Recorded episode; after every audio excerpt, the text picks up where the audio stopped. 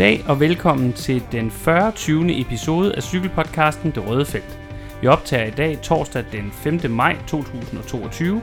Jeg hedder Peter Krohmann Brams, og med mig i studiet har jeg Miriam Krohmann Brams.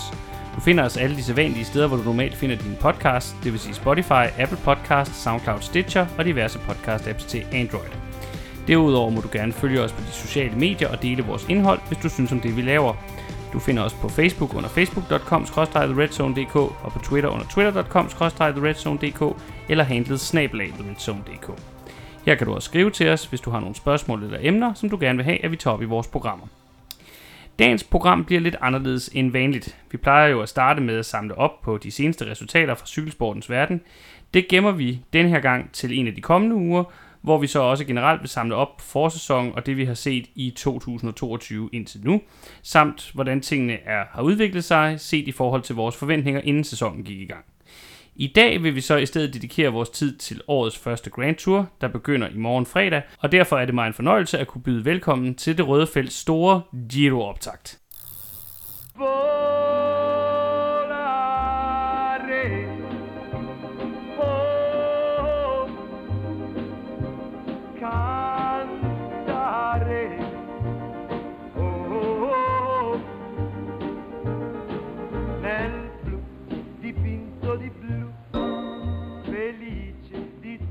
Giro d'Italia, kampen om Maglia Rosa, har en næsten lige så lang og gloværdig historie som Tour de France. Første udgave blev kørt tilbage i 1909, og ligesom at Tour de France blev lanceret af folkene bag avisen Lotto, og senere fik sin gule føretrøje fra avisens gule sider, så blev Giroen startet af folkene bag sportsavisen La Gazzetta dello Sport, som trykkes på lyserøde sider, og som så af den vej gav Giroen sin berømte lyserøde føretrøje. Undervejs i historien har løbet kun været aflyst i 1915 til 1918 på grund af 1. verdenskrig, og så fra 1941 til 1945 på grund af 2. verdenskrig. Og sidstnævnte aflysninger var blandt andet med til at forhindre en række formodentlig store dueller mellem legenderne Bartali og Coppi, der er mange fortsat betragtet som de to største italienske cykelsportslegender nogensinde. Ja, hvis vi skal se lidt på nogle øh, løbsrekorder, så er Fausto Coppi, øh, Il Campionissimo, som han jo også øh, kaldes, som betyder mesternes mester, øh, også en af de tre ryttere, som har vundet øh, den store italienske rundtur fem gange.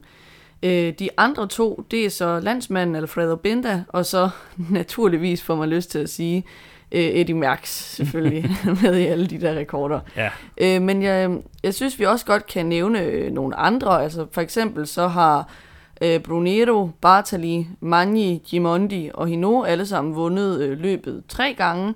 Øh, her kan vi jo også lidt se en, en ret italiensk dominans, kan man se på, ja, det, det på rekordbøgerne, det ikke? hvor det jo så er Ino som franskmand og Eddie Merckx som belgier, der, der stikker ud. Øhm, og så, øh, så synes jeg heller ikke rigtigt, at man kan komme udenom at nævne øh, ham, der hedder Constante Girardengo. Øh, og vi skal helt tilbage til, tror 1920'erne, 30'erne, for at, mm. at finde til, til den tid, hvor han huserede. Øh, han har kun vundet løbet to gange, så på den måde er det ikke så imponerende. Det er der jo mange, der har gjort. Mm. Øh, men han er noget særligt, fordi at han var den første til at blive kaldt Il Campionissimo.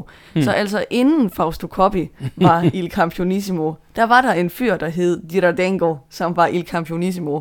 Og ifølge den meget troværdige kilde, Wikipedia, øh, så var han efter sine, så også på Wikipedia er det efter sine, mere populær end Mussolini i en periode. så det blev, igen ifølge Wikipedia, dekreteret, at alle ekspresstog skulle stoppe i hans hjemby. Wow. Stor ære. Altså, hvis, hvis man kan opnå den slags og være større end uh, Il Duce, så, uh, så har man været, været højt på strå i, i 20'ernes, mener jeg det er, uh, Italien, hvor han, han vandt sine sejre. Mener også, at han stadigvæk er den, eller det er ikke noget, jeg mener, jeg ved, at han stadigvæk er den rytter, der har vundet Milano Sanremo næstflest gange. Der vandt han, det løb vandt han hele seks gange. Han har vist også fem i Lombardiet rundt. Ja, så altså, han er, han er en, en stor rytter. Stor, stor, stor rytter. Og jeg tror måske, uh, hans Marlene sejr nok kan skyldes, at han jo nok til dels har kørt samtidig med Binda, som jo så også var ekstremt øh, dominerende øh, for sin tid i, i den her type af løb. Så store præstationer og stor historie øh, i det her løb igennem tiden.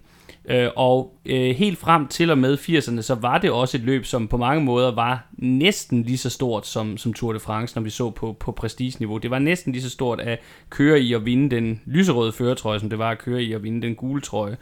Men så i 90'erne og et stykke ind i det nye årtusind, så oplevede løbet et øh, vist prestigetab, især i forhold til turen, øh, hvis vi altså kigger uden for Italien. Det har altid været kæmpestort i Italien, øh, men det her sådan prestigetab, måske i cykelfeltet generelt, det var en del af forklaringen på, at vi i mange år ikke så ret mange rytter, der vandt løbet mere end én gang.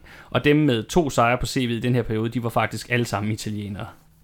Men så vil jeg sige, over de sidste 10 år, så kan man godt tale om sådan en form for revitalisering, altså hvor Giroen igen er vokset i anerkendelse blandt sportens øh, største etabløbsnavne, og omvendt kan man så sige, at det, at de største stjerner i deres tid prioriterer at gå efter og vinde løbet, mm. selvfølgelig også er med til så at give det endnu mere prestige. Sådan er det jo gerne. Øhm, vinderlisten fra med 2013, den hedder Vincenzo Nibali, Nairo Quintana, Alberto Contador, som så også er den første ikke-italiener siden Indurain i 92 og 93 til at have mere end en samlet sejr.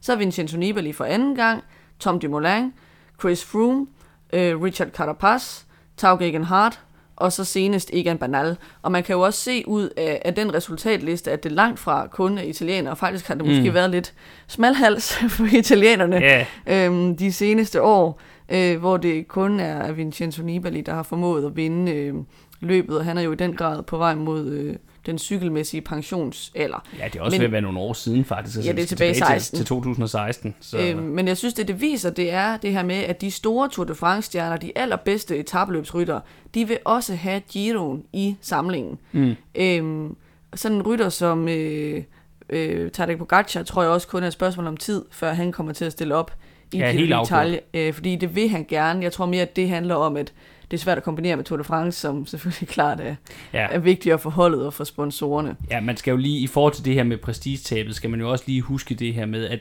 at cykelsporten var en anden tilbage i tiden, og, og mange af de store ryttere kørte jo blandt andet også fordi det var deres måde at tjene penge på, så kørte de jo alle de store løb, og så var der også flere af dem, der, der vandt dem, men, men det der med at vinde turen og Gion samme år, det er altså blevet mere og mere vanskeligt, jo mere specialiseret og, og øh, moderne cykelsporten er blevet. Der kan man sige, den sidste, der har gjort det øh, i samme sæson, det mener jeg er Marco Pantani tilbage i 1998, og, og det er det var jo også en tid, hvor, hvor at, øh, EPO og andre præstationsfremmende midler formentlig spillede en større rolle i feltet, end det gør i dag.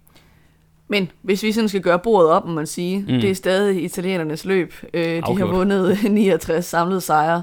Øh, og så hvis vi går ned på anden pladsen på nationsniveau over mm. flest sejre, så er Belgien nummer to med syv, hvor de fem er Eddie Merckx. Ja, øh, så, så der, det er i den grad stadig italienerne, der sidder på det løb, eller i hvert fald historisk perspektiv. Det, det er der slet, slet ikke nogen tvivl om. Årets udgave, det er nummer 105. Uh, øh, arrangøren er den store italienske cykelsportsorganisation RCS, der er en del af samme mediekoncern, som ejer uh, La Gazzetta dello Sport, avisen, som stadig udgives, og som jo grundlag løbet i sin tid. Så her i Gion er der faktisk stadigvæk en meget tæt forbindelse mellem uh, grundlæggeren, altså avisen, og så øh, selve løbet. Det er jo meget smukt på, på en eller anden måde. Øh, og ACS er jo den helt store italienske cykelsportsarrangør. De står også bag både Milano Sanremo, øh, Lombardiet rundt og Tirreno Adriatico, bare lige for at nævne nogle af de øvrige løb, der er i, i deres portefølje.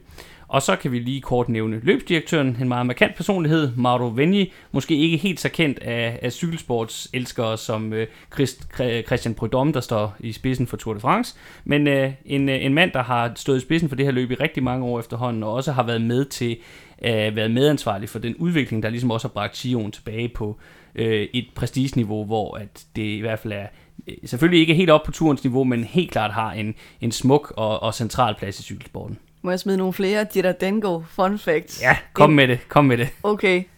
1914, den længste etape nogensinde i Gions historie, vinder han. Hvor lang er den?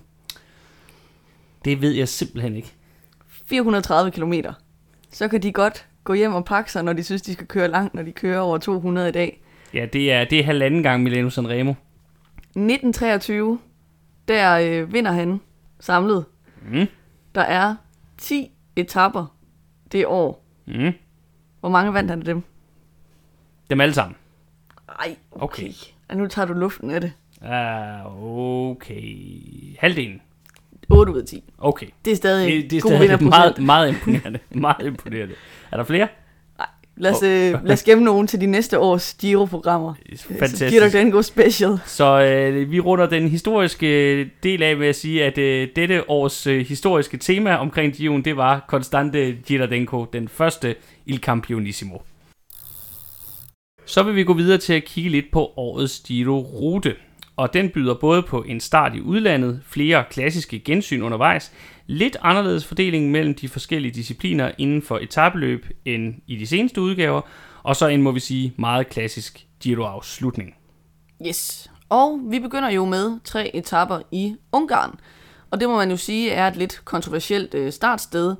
Øhm, men ja, man kan sige, det er jo også noget, Gion har haft lidt tradition for. De var også i Israel for et par ja, år siden. Øh, det lader ikke til at være det, der sætter grænserne for, hvor Gion kan starte hen. Nej. Øh, men de lægger jo så ud, ikke med en prolog, men med en helt almindelig etape mellem Budapest og Visegrad. Øh, men det er ikke en flad pandekage, fordi den ender med sådan en rigtig led stejl finale. Øh, så der er en del sprinter allerede, der har været ude at sige, at de har svært ved at se, hvordan de skal overleve øh, finalen på første etape.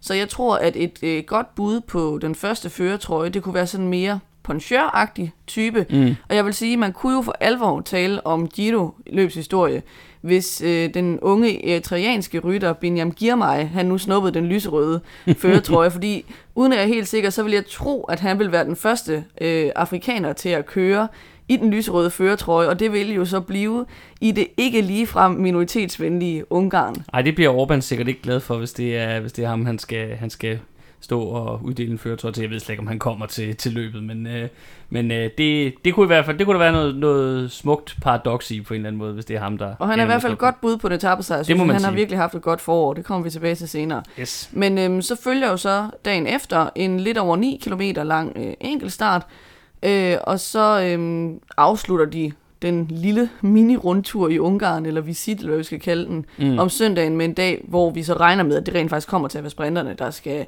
der skal kæmpe om det.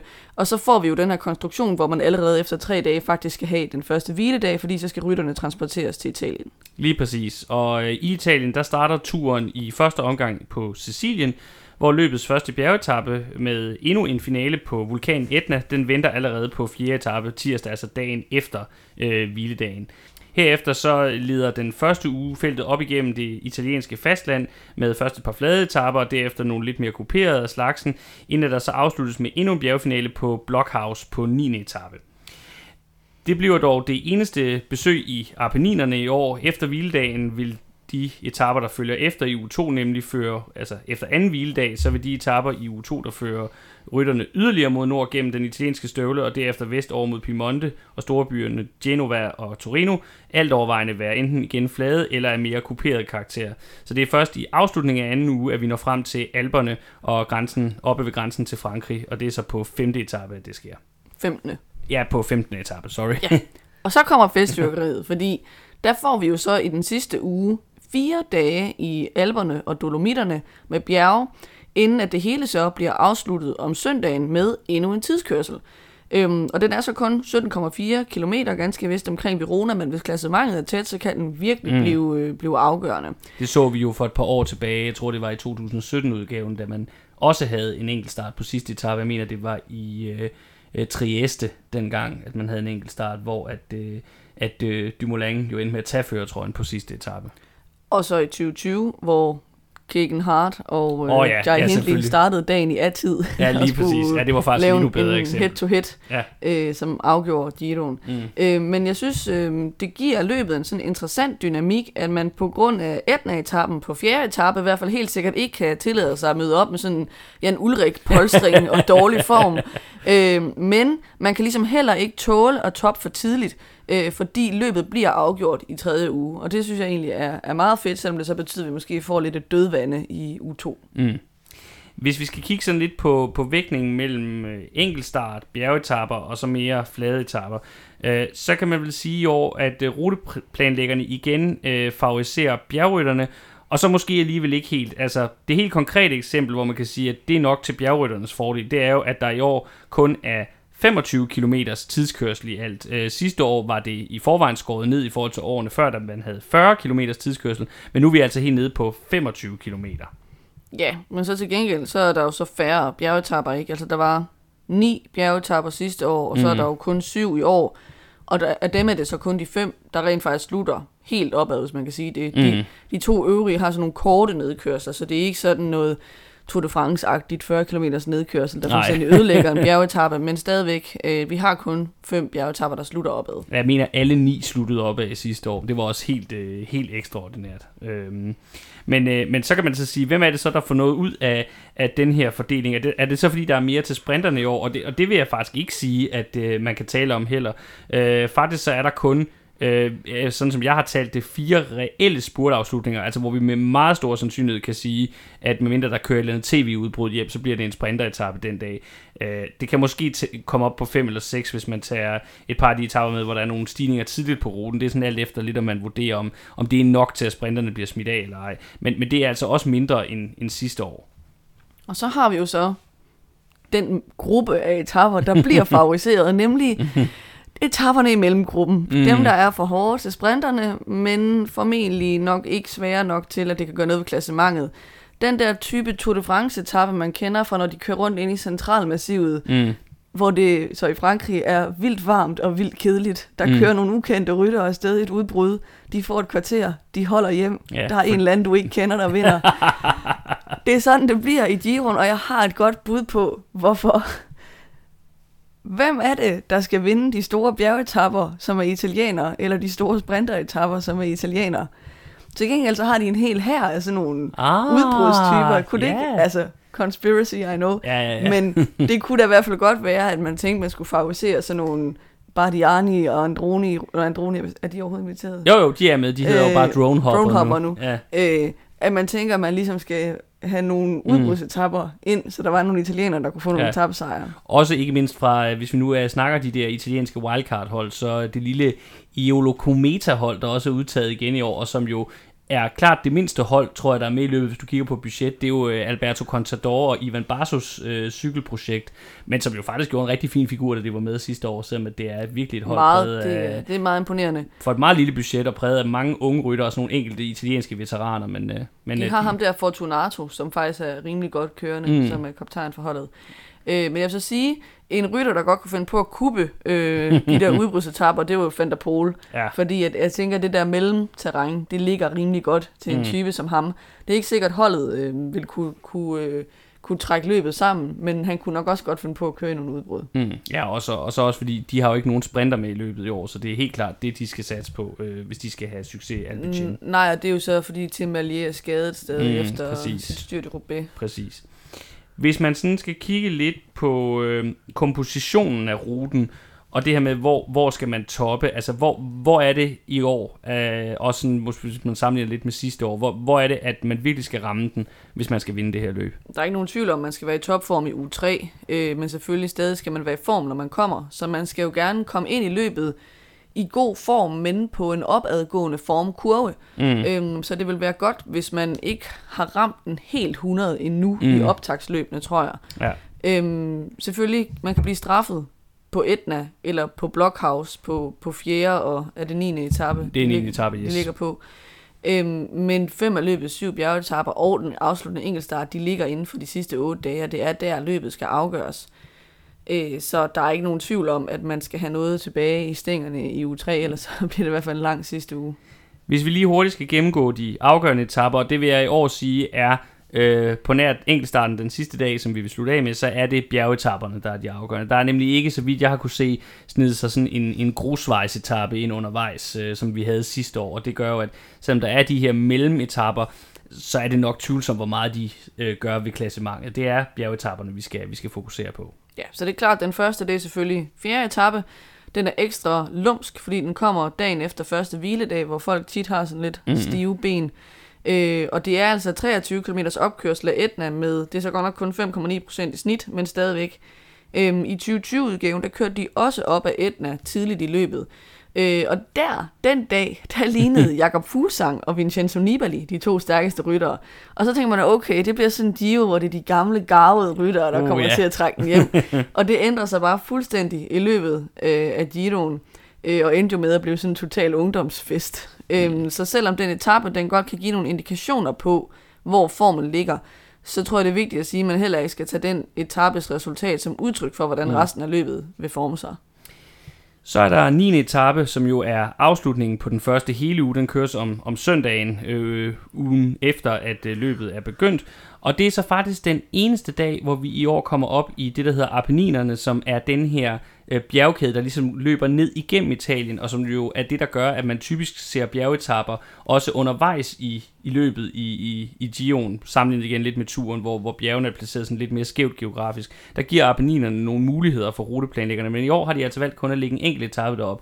Det er så med et øh, gensyn med en øh, markant stigning, nemlig Blockhaus, der har et lidt sjovt navn. Det er jo sådan meget tysk, når man hører det, og det er lidt sjovt, fordi det er jo, you det er jo ikke u- unormalt i tysk, eller i Italien, men det er mest op i, i det nordøstlige hjørne, op ved grænsen til Tyrol og, øh, og til Østrig, at man har de her stigninger, som også har, har tyske navne. Men den hedder altså Blockhaus, den her stigning, og det er altså en øh, krasbørst i satan, 13,6 km og 8,4 i snit, apropos at øh, når vi sammenligner med, hvor stejl Etna er, øh, så er det altså en, en led satan, og også da den var med i løbet sidst, kan jeg huske, at den kom til, selvom den lå relativt tidligt i løbet, den, den kom selvfølgelig ikke til at være afgørende, men den kom til at, øh, at lave, øh, i hvert fald at øh, afslutte klassementschancerne øh, for nogle af profilerne, fordi den, den ligesom bare viste nogle tydelige forskelle øh, allerede der øh, ret tidligt i løbet stadigvæk. Så den glæder jeg mig personligt rigtig meget til et, et gensyn med det man så ligesom kan spørge sig selv om, det er, hvor meget vil favoritterne gå til, gå til hinanden på de her to etaper med tanke på sidste uge. Du nævnte allerede lidt, at vi måske kan få nogle indikationer på Etna, men, men hvor meget tror du egentlig, vi kommer til at se på de her øh, to første bjergetapper? Jeg tror, vi kommer til at se afvendende kørsel, så hvis der kommer nogle udspil, så tror jeg, det bliver rimelig sent. Øh, man kan sige, dem, som møder op uden at være på 105 procent, mm. øh, de skal jo bare forsøge at hænge på, Øhm, og så lade være med at sætte tid øh, inden deres egen form mm. topper, hvis man kan sige det på den ja. måde. Øhm, som vi skal snakke om lidt, så sådan en som Carapaz ved vi for eksempel ikke helt, hvor står lidt det samme med Almeida. Hvis man, hvis mm. man ved, at formen ikke er der helt endnu, så skal man nok bare håbe, at, at det ikke bliver kørt for hårdt. Mm. Omvendt, hvis man har benene til at stjæle 30 sekunder, så er det jo med at slå til og tage den mm. tid, mens man kan. Og sådan en rytter som Pello Bilbao, som jeg tror er toppet for tidligt i forhold mm. til at gøre det godt i, i det samlede klassement, sådan nogle rytter, de skal nok ud og forsøge at tage noget tid mm. på de tidlige bjergetapper. Fordi så er der der ikke andet lidt at tære på øh, mm. øh, senere i løbet. Ja, og man kan sige, at igen, Blockhouse er så stejl, at, at hvis, hvis du kan gøre en forskel den dag, så er det også en, en dag, hvor du rent faktisk kan tage noget, måske også kan tage mere tid end bare de der 30 sekunder, hvis du virkelig har dagen. Så, så det, den skal bestemt udnyttes. Øh, efter det, så kommer vi så til den sidste uge, hvor der jo er, som sagt, øh, de her øh, fem bjergetapper, der ligger inden for de sidste otte dage. Det begynder øh, søndag i anden uge, altså med den sidste etape i den uge. Det er 15. etape, som er 177 km lang, og hvor man skal over tre meget hårde stigninger inden for de sidste 80 km. Der er først øh, Le Fleurs, der er 12,3 km lang og stiger med 6,9% i snit. Og derefter så kommer Veronje-stigningen, der er 13,8 km lang og stiger med 7,1% i snit. Og det er så inden, at vi til sidst får den 22 km lange finalestigning op til Konje.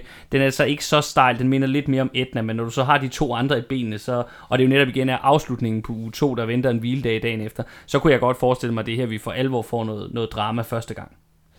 Så efter en hviledag, så er der igen en rigtig, rigtig hård etape, der venter lige efter. Det er så tirsdagen i tredje og sidste uge, øh, hvor de igen skal over tre hårde stigninger, der så er fordelt lidt mere ud over etappen. Der har vi Goletti di Cardinio, 20 km med 6,2% i snit.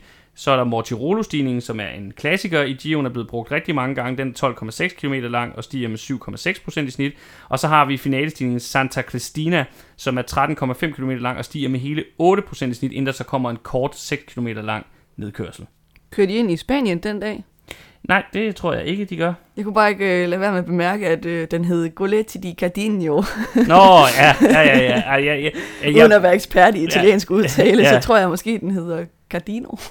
Det er, er, er meget muligt. Det, jeg er ikke hverken øh, særlig kyndig i, i udtale på, på spansk eller italiensk, så det kan godt, øh, det kan godt være, at den blev øh, for spansket lidt, øh, den stigning. Det, det gør den ikke mindre interessant, vil jeg sige. Men dagen efter, der er det så øh, to hårde stigninger i finalen. Vardiolo 11,8 med 7,7 i snit, og så Menador, øh, den er så 7,9, så den er ikke særlig lang, men den er så tæt på at være 10% øh, i gennemsnit. Øh, Ja, men det der, er en rigtig rampe. ja, men der kommer så 8 km nedkørsel. Men jeg vil sige, når den er så stejl, som den er, Mm. så kan man sagtens forestille sig, at man angriber hen over den, og så rent faktisk kan holde sit forspring mm. nedad. Sådan en type af stigning har vi så øh, også øh, to dage senere. Der kommer lige en flad etape på 18. etape, men så på 19. etape fredag i den sidste uge, der, kom, der skal de faktisk en tur ind i Slovenien, og over en stigning, der har navnet øh, Kolovrat. Øh, og som er øh, 10,3 km lang og stiger med hele 9,3% i snit, og det er stejlt. Men øh, så kommer der altså en finalestigning, øh, der hedder Santuario di Castelmonte, Øh, den er 7,1 km lang, hvor de altså slutter på toppen af den, og den stiger med 7,8% i snit. Så her er vi altså igen op i, i stejl med stejl på, og det, øh, det er der, hvor det virkelig øh, kræver øh, sin eksplosivitet af at kunne sætte de andre og kunne holde på i øvrigt også. Og så kommer jo kongeetappen, må vi nok kalde den på 20. etape, hvor vi får øh, 168 km med tre stigninger, så det bliver en intens dag. De skal først over San Pellegrino, ikke at forveksle med dansk vand. Nej, øh, 18,5 km, kun med 6,2% i snit. Så kommer Passo Pordoi, som er 11,8 km med 6,8% i snit, og det er jo en legendarisk stigning i Giroen, som egentlig skulle være kørt sidste år, men som de så måtte øh, droppe. Øh, men Det den på grund af får dårligt så, Ja, vejr. på grund af dårligt vejr. Mm. Øh, men i år, der får den jo så en ny chance for at være det, man kalder Chima Copy, som er den titel, man giver til det bjerg, øh, der ligger på det højeste punkt, og så er der sådan mm. En Chima Copy-pris til den, der kommer først over. og ekstra point til bjergetrøjen også, mener jeg. Øh, og Copy kom selv først over fem gange. Over Passo Pordoi, ja. Så det er, det er en historisk giro Den er ikke så hård, men den ligger altså oppe i, i jeg mener det er omkring 2.000 meters højde. Den er ikke, øh, den er ikke lige så høj, højt op som for eksempel Stelvio, men det er, det er deroppe, hvor, hvor det her med, med, med den tynde luft og sådan noget, det, Det altså kan begynde at spille, ja. kunne begynde at spille en rolle. Og så til sidst, så skal de så op af Passo Fedaya, øh, 14 km med 7,6 i snit. Så man kan sige, det er ikke den dag, hvor de skal op af det, der er stejlest, men det er bare alligevel nogle, øh, nogle hårde stigninger, og det er en, en legendarisk stigning der, som nummer to, hvor vi virkelig kommer op i de tynde luftlag. Ja, og så netop også, det er sidste, det er sidste etape, øh, sidste bjergetappe, næst sidste dag, og det eneste, der er tilbage efter det, det er så den her, øh, det er så den her tidskørsel på den sidste etape, øh, 17,4 km øh, omkring øh, Verona, der er årets målby, og øh, det er jo altså det er jo øh, scenen for hvis ikke at vi har fået afgjort løbet øh, på bjergene, så er det jo scenen for det helt store drama, øh, hvor vi kan få øh, en duel eller den vi så mellem Dumoulin, øh, Quintana og Nibali i, i 17 eller endnu mere mellem Gegenhardt og, og Hindley i 2020. Så jeg vil sige efter jeg tidligere på året var lidt skeptisk, så vil jeg faktisk sige nu hvor jeg har gået i detaljen med den og set den igennem, så synes jeg faktisk det er en interessant og meget spændende Giro-rute der venter os i år. Nu skal vi så til at tale om de ryttere, som vi skal holde øje med at følge i de kommende tre uger. Vi starter med en kategori, som vi til dels har kaldt sprinterne, men som vi også har kaldt kampen om cyklametrøjen. Og det er fordi, vi vil til dels fokusere på de helt hurtige folk, der er i feltet i, i den her del af programmet, men vi vil også tale om, hvem der reelt set har chancen for at vinde den cyklamefarvede pointtrøje. For i Giro d'Italia er det typisk ikke helt nødvendigvis det samme. Altså det er ikke øh, de folk, der vinder øh, massespurterne, der nødvendigvis er dem, der ender i den cyklamefarvede pointtrøje, når vi når hele vejen til mål. Hvis vi skal starte med de mere rendyrkede sprinter, så vil jeg jo sige, altså på papiret, så må den hurtigste mand i feltet, det må være Caleb Ewan fra Lotto. Øh, men man kan vist også godt sige om ham, at sejrene er ikke kommet helt så let til ham i år, som, øh, som tilfældet har været tidligere. Øh, og så vil jeg jo igen sige, at der også er det her lidt øh, kedelige ved ham, at han jo allerede på forhånd har meldt ud, at han kommer til at stå af undervejs. Så vi kan faktisk også med ret stor sandsynlighed sige, at selvom han nok er den hurtigste sprinter, så er det ikke ham, der kommer til at vinde cyklametrøjen. Nej, han får ikke slæbt sig igennem uge 3. Mit bud vil være, at han står af øh, i god tid inden de der store bjergetapper. Mm. Også fordi, at det skulle nærmest kun være for at få cyklamentrøjen, at man skulle gøre det, fordi der er jo nærmest kun bjerg tilbage i uge 3. Ja, der er lige 18. etape. 18. etape, men ellers. Ja. Øh, så er der Mark Cavendish, Quickstep. Øh, man kan sige, han fik jo sidste år bekræftet, at han stadig har klassen til at være en af de allerbedste sprintere øh, i verden. To, fire etappesejre i Tour de France. Mm. Jeg vil så sige, at det har måske været, der har været lidt længere mellem snapsene øh, her i foråret, og det er jo en del af den her fortælling om, at Quickstep generelt har haft en ret skuffende sæson. Han vandt Milano Tor- Torino, men ellers har han faktisk ikke nogen øh, sejre endnu i år. Øhm, så Så altså, har han jo også en sejr.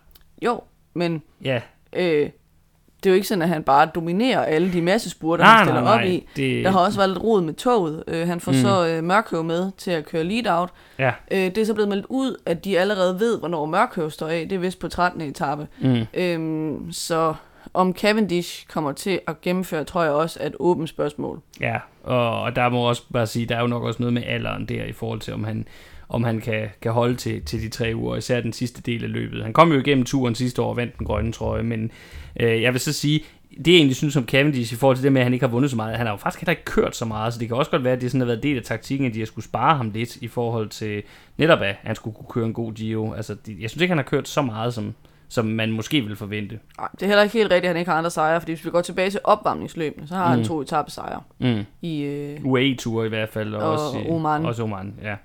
Så, øh, så øh, han, øh, han er, jeg synes, han har bekræftet, at han stadig har farten, på trods af, at han er blevet 36. Øh, men, øh, men jo, selvfølgelig, øh, han er også en del af den fortælling, der er om, at, at det bare ikke har været nogen særlig god sæson for, for Quickstep indtil videre. Øh, Den næste, vi skal tale om, det er så måske den af sprinterne, jeg nok har som den største favorit til at vinde cyklametrøjen, og det er så Arno Demare.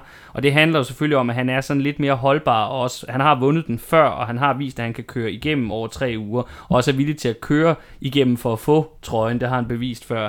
Men det vi må sige om ham, det er, jeg synes efterhånden, det er tydeligt, at han ikke helt har den topfart, han havde tidligere, og, og han har på den konto i øvrigt heller ingen sejr endnu i år, så, så det er også en mand, der, der kører for ligesom at få lidt gang i sin sæson sådan, i det hele taget. Ja, og en, der også skal have gang i sæsonen, kan man sige, det er Giacomo Nizzolo, som jo stiller op som en, en hjemmebanehelt. Øhm, men han har heller ikke nogen sejre endnu i år. Øhm, og man kan sige, at han er jo sådan en, en rytter, som elsker Italien rundt, men som faktisk har haft uhyre svært ved at få gang i, Mm. mm. i sejrstimen i øh, Giro d'Italia. Øh, og han fik jo faktisk øh, først sin første sejr i Giro d'Italia Mm. øh, sidste år Ja, øh, trods at han er øh, 33 nu. Øh, og udover at han godt selv kunne bruge at få gang i, i sin øh, sæson og få åbnet sejrskontoen for i år, så kunne hans hold øh, Israel virkelig også godt bruge at få mm. noget, øh, noget tur i den. Så de skal virkelig håbe, at han øh, henter nogle etappesejre hjem til dem. Ja, altså jeg synes jo, Nitsolo har vist noget. Han har aldrig været den sprinter, der vandt mest, så jeg synes jo, han har vist, at, at, at farten nok er der stadigvæk, men, men det, der mangler jo en sejr, og, og, og, og jeg kunne så til gengæld også, i lidt i forlængelse af det, godt forestille mig, at hvis han begynder at vinde, hvis han vinder en sejr, måske to, så kunne jeg godt forestille mig, at han så også bliver taget ud af løbet på et tidspunkt, fordi så kan, I begynde, kunne Israel begynde at overveje, okay, skal vi have ham med til turen også, fordi at det, er, det, det er måske den største chance, vi har også for at få etappesejr succes der, altså sådan som deres klassementsryttere kører, så er det jo ikke ligefrem øh, der, de kan satse på, på gevinster. Så det, det er også et interessant aspekt, hvor langt kommer han i det her løb. Han er jo også tidligere vinder af pointtrøjen i øvrigt. Øh, så er der en, øh, en mand, som egentlig var gået lidt i glemmebogen, men som så trods alt har vist sig lidt i år, nemlig Fernando Gaviria. Øh, han virker stadig til at lede efter sit gamle jeg, øh, kolumbianeren. Han har nogle sejre i år fra, fra tidlig sæson i Mellemøsten, som jo også er lidt på hjemmebane, fordi han kører for, for UAE. Men øh, han får ikke ret meget hjælp øh, i spurterne til, til Gion. Han har fået øh, Rikese med til at køre lead-out for sig, men, men resten af det hold er jo dedikeret til klassementet, så, så det bliver svært for ham, tænker jeg umiddelbart. Han kommer dog med en anden plads fra, øh, fra Edgeborn Frankfurt lige før, så, så formen er måske okay. Det, det, vil, det kan man umiddelbart tænke, det tænker jeg umiddelbart, man kan udlede det. Så en joker, vil jeg sige, til at, at kunne hive en del spurtsejre hjem, hvis det skulle være, det er Phil Ej, det er Bauhaus. ikke en del, der er ikke så mange kører. Nej, men han er jo heller ikke øh, sådan en, der bare bliver sat af, Phil Bauhaus. Nej, Øhm, han har haft et ret godt 2022 so far, og det har Bahrein-holdet jo i det hele taget. Mm, det kører virkelig for Bahrein-holdet. Der, det der er sige. sådan en stemning af vinder og succes mm. på det hold, og det har nogle gange med at forplante sig, øh, ja, din store held, fra den ene rytter til den anden. Så jeg tror godt, at Bauhaus han kunne måske løbe med to etappesejre eller sådan noget. Okay, okay, okay. Optimist der. Ulempen er øh, selvfølgelig, at han nok ikke har noget dedikeret tog med, fordi at Bahrein skal jo først og fremmest køre klassementet. Øh, men han får lov til at sidde i en fri rolle, og han er faktisk ret god til at, at sidde sådan mm. og skubbe og bokse lidt, øh, når han skal frem øh, i feltet der helt Mm. til sidst. Øh, så jeg tror på Bauhaus. Og så er der en, jeg også tror, du tror rigtig meget på, og det er ham, du allerede har nævnt lidt, da vi snakkede om, øh, om starten Ja, på ruten. Benjamin giver mig øh, en af forårets helt store historier jo efter sejren i Gent Wevelgem, og så også hans femteplads i E3. Man kan sige, det er jo sådan mere øh, klassikerløb, end det er øh, en sprint. Mm. Øhm, og han har også selv sagt, at han er ikke en sprinter. Han er, hvad kaldte han det, en punch sprinter. Punch sprinter, yes. øhm, han har også vist, at han faktisk kan køre sådan hederligt øh, opad, når det ikke sådan mm. bliver rigtige bjerge. Øhm, så han er typen, der godt vil kunne overleve nogle af de der dage, hvor det måske mm. bliver lidt for hårdt for de allertungeste sprintere. Så vil han ligesom sådan en Fantapol-type godt kunne sidde med hjem, mm. vil jeg vurdere. Øhm, han har ikke kørt øh, løb siden rigtigt, så det bliver sådan lidt en... Øh, altså vi ved ikke, hvor, hvor han står henne, øh, men han kunne godt være en, der blander sig både i massespurterne og på de kuperede etapper, og måske mm. vil forsøge at køre efter noget pointtrøje. Det hører selvfølgelig med til historien, at han er meget ung, og vi ved ikke, og, hvordan det vil være for ham at køre sådan en tre ugers etabløb. Øhm, og slet ikke i en kaptajnrolle, fordi det ser jo faktisk ud til, at han er holdets kaptajn. Han kører i hvert fald med et-tallet for, for Wanty, så det, øh, det er jo det, det plejer at indikere. Jeg ser ham stadigvæk lidt mere som en punch sprinter eller en puncheur type, så jeg tror, jeg tror ikke, han vil blande sig i de deciderede massespurter, men jeg tror, vi kommer til at se ham på de her mellemetapper, som der er en del af, og jeg vil bestemt ikke afskrive ham til, til pointtrøjen. Der ser jeg ham også som en, øh, et meget godt bud. Han bliver i hvert fald spændende at følge, det er der ikke nogen tvivl om. Og det gør One i det hele taget, der jo har haft en rigtig god sæson, og også havde en stærk etabeløbssæson sidste år, dog mest i Vueltaen. Et par sidste navne, eller måske hold, jeg lige synes, vi skal rundt om, det er jo Kofidi, som stiller med den italienske duo Timolai og Consoni. Af de to, så har jeg lige kigget lidt på deres resultater herop til Gio'en, og jeg vil sige, Consoni er den, der har vist mest i år, men vi må bare sige for dem begge to, at, øh, at topresultaterne mangler. Men det kan jo være, at Consoni, han har jo været lidt låst af at have været øh, lead-out-mand de sidste par år, især for Viviani uden den store succes. Øh, apropos Viviani, så er det jo en af overraskelserne for mig, at han ikke er til start i det her løb. Det er jeg faktisk ret skuffet over. Øh, måske også lidt noget med mit managerhold at gøre. Men øh, for at vende tilbage til Kofidi, så, så vil jeg sige, at jeg tror, at de skal satse på Consoni. Øh, jeg synes, øh, han har vist, at han har noget format. Han mangler topresultaterne, men det kunne jo være chancen for ham for at, at for alvor markere sig. Han er også kun 27, og jeg tror, at Kimola er, er et sted godt op i 30'erne efterhånden. Så, så det er der, der er mest potentiale. Og så er der jo øh, øh, Team DSM, der jo har valgt at sende både deres normale topsprinter Kies Bol øh, til løbet, men så har også har den unge italiener Alberto Dainese. Og, og jeg kunne godt måske forestille mig, at det her kunne blive sådan et løb, hvor vi kommer til at se lidt et skifte mellem de to, fordi hvis vi skal være ærlige, så har Bol ikke kørt særlig godt, øh, hverken her i foråret eller øh, øh, sidste år var han faktisk også lidt en skuffelse. Og Dainese er til gengæld ung, og nu er han på hjemmebane i Italien. Det er ikke fordi, han har boldret sig i resultater her i foråret, men det er bare det der med, at må, ham må vi antage, der er noget udviklingspotentiale. Så hvis han nu lige pludselig viser, at han har tur i den, så kunne jeg godt forestille mig, at DSM måske vælger at skifte hest øh, undervejs. Det var sådan de regulære sprinter, men så er der nogle andre rytter i feltet, som jeg også synes, det kan være øh, relevant at nævne, når vi snakker om pointtrøjen. Og jeg tænker, du vil gerne have lov at snakke om den første af dem. Ja, fordi Van der Pol ser jeg klart som favoritten til at tage den trøje. Øh, han stiller op, fordi han ikke har kørt særlig meget, fordi han har været skadet. Øh, han har også talt om, at han aldrig har gennemført en Grand Tour, Øh, så det kunne jo godt indikere, at han rent faktisk vil prøve at gennemføre den her, mm. øh, fordi han har snakket om det her med, at det ligger et niveau oven på ens eksisterende niveau, at komme igennem de der tre uger. Mm. Øhm, og så er der jo det her med alle de der kuperede etapper, som ligger rimelig godt til en type som ham. Mm. Øh, så der er mange forskellige typer af etapper, hvor han godt vil kunne, øh, kunne stjæle point til, til sådan en trøje, og hvis det er et prioriteret mål for ham fra starten, så tror jeg også, at han vil blande sig i massespurterne. Dem kommer han måske ikke til at vinde, fordi han ikke er en decideret sprinter. Men mm. det betyder ikke, at han ikke godt kan køre top 5 og tage point til mm. pointtrøjen. Sådan en rigtig sådan Sagan måde at køre det på i virkeligheden. Det var også sådan, han tit vandt, har vundet den, den grønne trøje turen. Øh, det synes jeg er et rigtig, rigtig godt bud. Men jeg vil gerne spille ind med en, som jeg tror kan overraske lige præcis i forhold til den her kon- konkurrence. Fordi vi har jo bedstefar fra Murcia, Alejandro Valverde med i løbet. Han kører en af sine sidste Grand Tours her, og han er en kæmpe joker, øh, synes jeg, i forhold til det her. Jeg med hans alder, selvom at han jo kørte fremragende i Ardennerne igen i år, så, så tvivler jeg altså på, at han kan gøre sig i det samlede klassement. Så kunne han måske prioritere at satse på de her mellemetapper undervejs, hvor han jo også stadigvæk har vist, at han er hurtig. Han har stadigvæk eksplosiviteten i afslutningerne og kan måske endda udfordre Van der Pol. Og det kan måske også så give nogle point undervejs. Og så sidder han jo også typisk stadigvæk bedre med i bjergene. Øh, så jeg tænker, at der er måske også nogle point at hente der. Så han kan måske være en joker til, til den cyklamefarvede trøje. Så har vi et øh, dansk indslag, for vi må jo sige, at øh, vi har ikke set noget til Magnus Kort endnu i år, og det her er der jo en helt naturlig forklaring på. Han har været ude med et brækket kravben, men han er blevet klar, og han stiller op i Gio'en, og vi må bare sige, at vi aner intet om, hvor, hvor han er hen rent niveaumæssigt. Han har intet kørt, før han stiller til start her. Øh, men vi kan jo ikke lade være med, jeg kan i hvert fald ikke, at tænke tilbage på hans øh, Vuelta sidste år og tænke, altså hvis han bare kan ramme et eller andet i nærheden af det, det er selvfølgelig svært, når han kommer helt uden løbskilometer i benene, men øh, så, øh, så kunne han da godt være det bedste bud på en dansk etappesejr undervejs. Ja, og jeg tror, det er realistisk nok, at han kører sig i form undervejs. Mm. Øh, så han kunne sagtens slå til på en udbrudsetappe. Ja, eller, eller en af de mere kuperede også. Han er jo også, øh, det var også meget det, han faktisk gjorde sig i Spanien sidste år. Ja, en udbrudsetappe. Nå, ja, ja, jeg, jeg, ja. tænkte, jeg tænkte, øh, altså, at, jeg tænkte, du mente, at så skulle han med hjem i et udbrud. Jeg tænkte, han kunne godt, hvis der er en reduceret gruppe, hvor sprinterne er væk, kunne jeg godt se ham vinde. Det så vi også i Paris-Nice for eksempel sidste år, så det var bare det, jeg mente med det.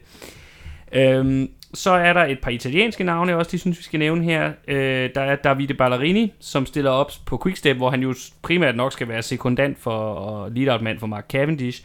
Men øh, der er jo en risiko, chance, alt efter man ser det for, at Cavendish udgår undervejs. Og så er Ballerini igen lidt mere hårdfør, så måske kan han også på den konto samle nogle point sammen til, til cyklametrøjen. Og så en sidste, jeg vil nævne, det er en hjemmebaneheld i form af Andrea Vendrame, som det er sådan mit indtryk af, det er sådan en rytter, italienerne rigtig godt kan lide. Øh, uden at man måske helt kan forklare hvorfor, for det er ikke fordi, han vælter sig i sejre, men han er sådan en lokal held, som, som de holder rigtig meget af, og han får lov til at køre, formelt i hvert fald som kaptajn på AG2R-holdet, han har et-tallet for dem, og er også sådan en, der igen kan gøre sig i lidt mere kuperede afslutninger, øh, dog ikke øh, en regulær sprinter, så han kommer ikke til at blande sig i massespurterne. I den anden del af vores øh, rytter-gennemgang her i programmet, der vil vi så prøve at fokusere på det, vi kalder de unge ryttere. Og det skal ikke forstås som dem, der kan kæmpe om ungdomstrøjen nødvendigvis. Det er mere et fokus på de ryttere, hvor vi kan sige, at de er måske ikke helt endnu slået igennem på den ene eller på den anden måde, men det kan jo være, at det er dem, der bliver de store nye historier i årets øh, Giro d'Italia. Og vi vil starte med en mand, som selvom han stadig er ung, og selvom han nok stadigvæk godt kan betragtes som et talent, så er han måske øh, her i Given ude i det, vi kan kalde den sidste chance for at bekræfte talentet. Ja, det er jo paradoxalt, fordi han er kun 24 år, men øhm, han kommer jo øh, ud af, af samme talentfabrik som Bernal ja. i Italien øh, fra Androni-holdet. Ja. Øhm, det skal og... lige siges, det er Ivan Ramiro Sosa, vi taler om. Jeg havde ikke nævnt. Nå, du havde ikke sagt, hvad han hed. Jeg havde ikke sagt, hvad han hed. Nej. du, du har lavet suspense, okay. Ja, det er Ivan Ramiro Sosa, vi snakker om. Ja. øhm, og han blev udskrevet til at være den næste Banal allerede året efter, at Banal kom på World Touren. Øh, og han blev også købt af Ineos, eller det der hed Sky, tror jeg stadigvæk, det hed dengang. Ja. Øhm, og så havde man måske lidt forventet, at han skulle følge den samme udviklingskurve som Bernal, der jo bare gik ind og bekræftede fra dag 1. Mm. Men han har bare haft enormt svært ved at finde benene på World Touren. Øhm, og så endte han jo med at sige farvel til Ineos øh, her i, i off-season. Mm. Øhm, og det var jo ikke noget øh, kønt brud. Ej, det og det var sige. helt tydeligt, at både, både holdet og Sosa var skuffet over, hvad der var kommet ud af det ægteskab. Så mm. er han så kommet på Movistar nu, og han kommer jo til at være en form for delt kaptajn sammen med Valverde. Man kan sige, der er nok ikke aldrig, aldrig rigtig nogen, der er delt kaptajn, når Valverde er med, men han har nok i hvert fald en fri rolle til at prøve at køre efter klassementet. Han har jo fået en, en fin øh, optakt i Vuelta Asturias, som godt nok er et lille løb, men hvor han dog øh, vandt øh, løbet samlet. Det var så et, et rimelig svagt felt med en skidt kørende Simon Yates på anden etape, som vi skal tale om senere. øhm, så, så på den måde en fin optakt. Omvendt har han været skidt kørende i, øh, i Katalonien. Øhm, så, så det er lidt blandet. Altså, jeg tror, det kan godt være sidste chance. Øh, omvendt så er han også så ung, at man kan sige, at i princippet kunne det godt øh, nå at komme endnu mm. øh, på længere sigt. Men jeg tror også, vi må sige, at hvis det der skifte til et nyt miljø ikke har gavnet ham mm. øhm, nok til, at han kan klare sig og køre en top 10 hjem, for eksempel mm. i, i Grand Tour, øh, så må vi måske bare sige, at han var et, et flop. Ja, det, det tror jeg, at, altså jeg tror, det er her og nu, det skal være, hvis det skal være for ham. Altså ikke i, at han skal vinde, men altså han skal ind og levere øh, et eller andet form for resultat, der viser, at det der talent, som alle mente han var, at det, det altså også er der stadigvæk et eller andet sted. Ellers så, så tror jeg heller ikke, at han får særlig lang snor på, på Movistar. Øh, en, jeg faktisk synes er lidt i samme situation som ham, det er øh, hans tidligere holdkammerat, som så stadigvæk er på Ineos, nemlig Pavel Sivakov. Øh, Øh, han kom jo ind på World Touren samme år som Banal, øh, også til Ineos, og var øh, udskrevet til at være et talent på samme niveau som Banal.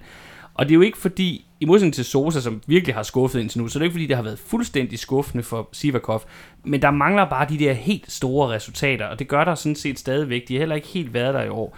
Han har så også været ude i noget lidt uh, specielt her i løbet af den her sæson, nemlig at han faktisk har skiftet nationalitet.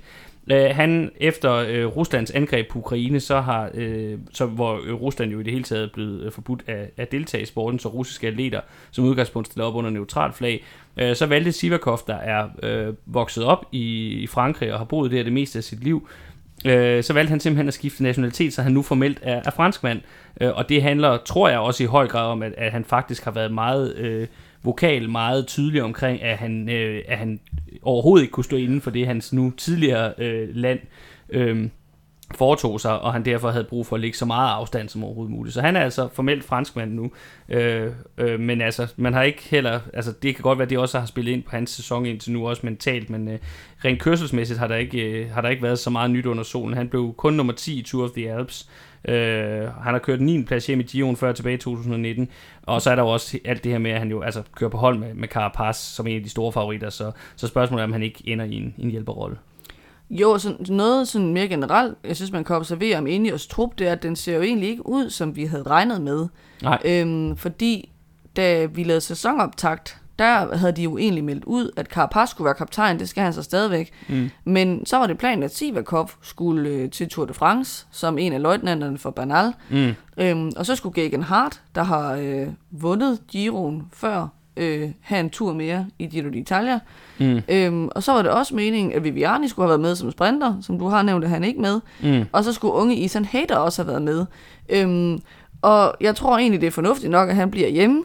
Og jeg må også bare sige, jeg tror, i min begejstring over Ethan Hader, fik jeg sagt, at øh, han kunne nok godt overhale Sivakov og Hart indenom op ad et bjerg. Ah. Og jeg vil bare sige, hvis den mand udvikler sig til bjergrytter på et eller andet tidspunkt, så bliver det ikke indeværende sæson. Der har jeg været lidt for hurtig på aftrækningen. Og så siger jeg, har ikke været den eneste. Der er også nogle af de britiske trænere, der havde været ude og sige, at han var fremtidens Grand Tour mand. Vi må nok sige, at det er en lidt mere fjern fremtid, end, end jeg lige troede. Det kommer i hvert fald ikke til at være i år. Det, tror Det jeg bliver godt, ikke i år, han vinder. Giro d'Italia. Nej, og heller ikke en af de to andre Grand Tours, by the way. Øh, hvis vi skal bevæge os lidt videre, så tænker jeg, så går vi fra dem, øh, de er sådan, øh, udskredede talenter, der ikke helt har levet op til det nu, til en, der måske faktisk godt kan ende med at blive årets helt store nye etabeløbsnavn. Og det er hollandske Thymen Arensman fra DSM-holdet. Øh, kommer det store Grand Tour kommer det store Grand Tour gennembrud allerede her for ham? Det synes jeg er et af de store spørgsmål inden, øh, inden løbet her. Han blev nummer 3 i Tour of the Alps, og han blev nummer 6 i Tirreno Adriatico tidligere på året. Øh, han kører godt nok på hold med, med Bardet, så det bliver muligvis som hjælper for ham, men det er øh, vurderet ud fra de hidtidige resultater i år, så er det en af de helt store nye historier, øh, tænker jeg umiddelbart. Øh, og som bliver virkelig interessant at følge i den her Giro. Ja, jeg tror også helt sikkert, at de kommer til at holde øh, både Arnsmann og Bardet inde i klassementet. Mm.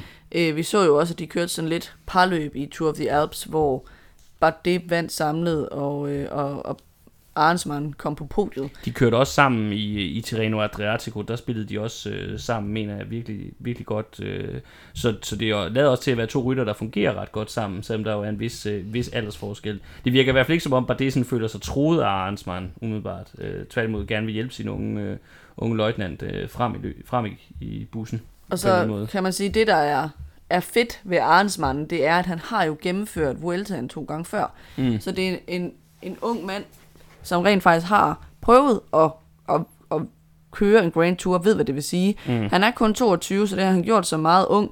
De gange er det så overhovedet ikke blevet til noget i klassementet, men det har han nok heller ikke gået efter. Nej, Øhm, og han har jo den der øh, hærdighed, der kommer med at have kørt en Grand Tour.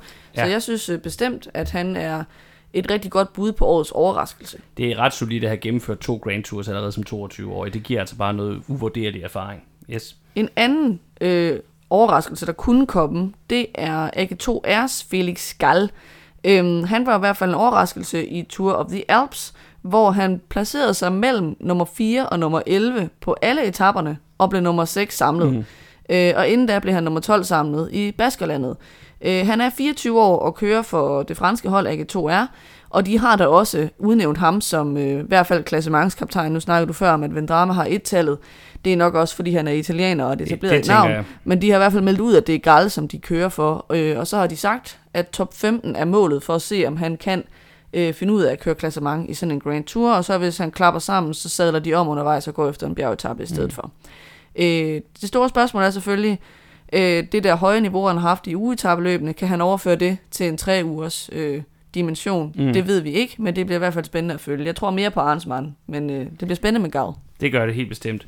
Og det gør det også følge en, som jeg lidt har vil kalde øh, fattigmandsudgaven af Felix Gall, fordi han også viste øh, noget rigtig, rigtig spændende potentiale i blandt andet Tour of the Alps, men bare på sådan et, et måske lidt lavere niveau.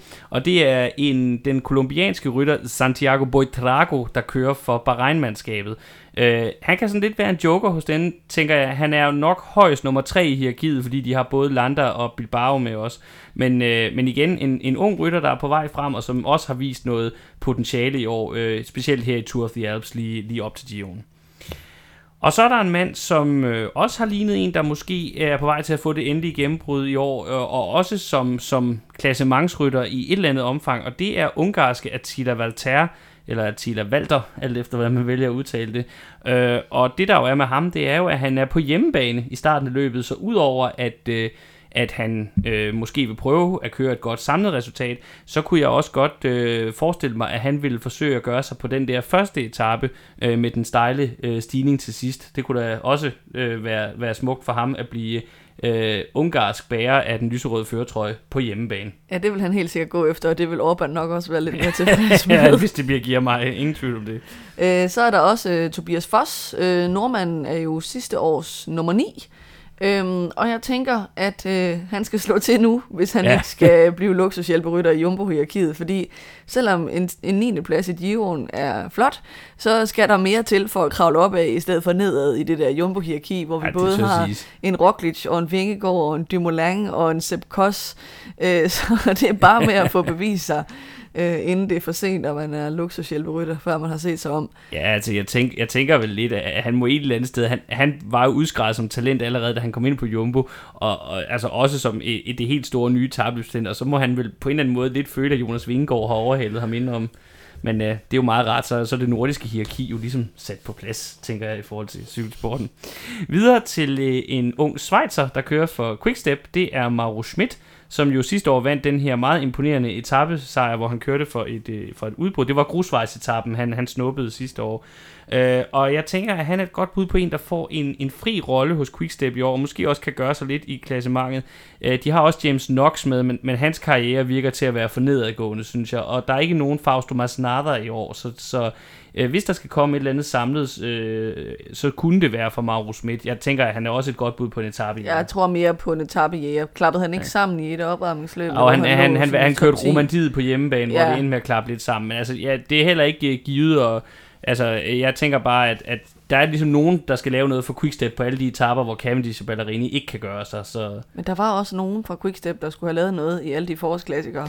det er rigtigt nok, men Schmidt har jo faktisk lavet nogle resultater. Øh, mål ud fra, og også i forhold til, hvad man kunne forvente mål ud fra, øh, hvad man kan forvente af en, af en, ung, øh, en ung rytter som ham.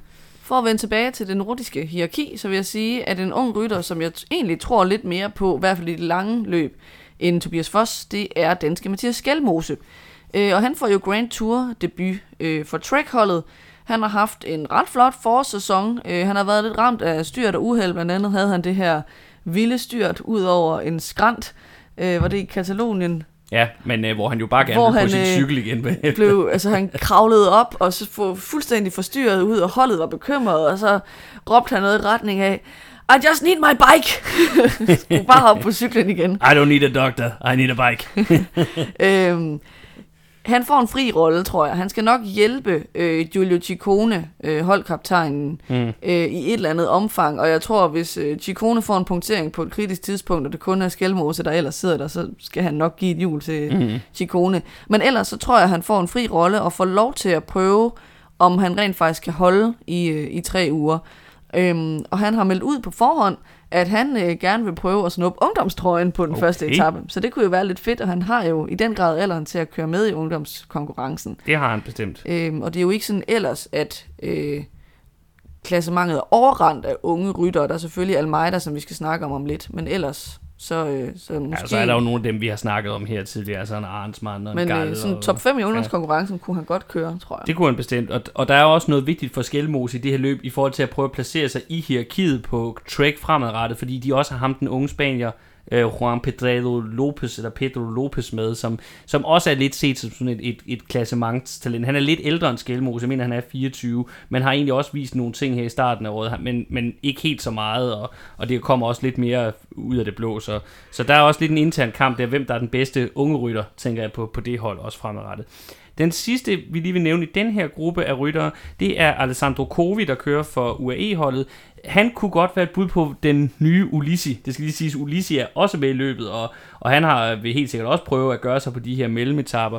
Men, øh, men Covi har jo faktisk øh, vist rigtig gode takter i, i præcis den her type af løb. Øh, han vandt nogle øh, spanske løb øh, med afslutning på stejle mure tidligere i sæsonen, så det er også et godt bud på, på en etapevinder undervejs.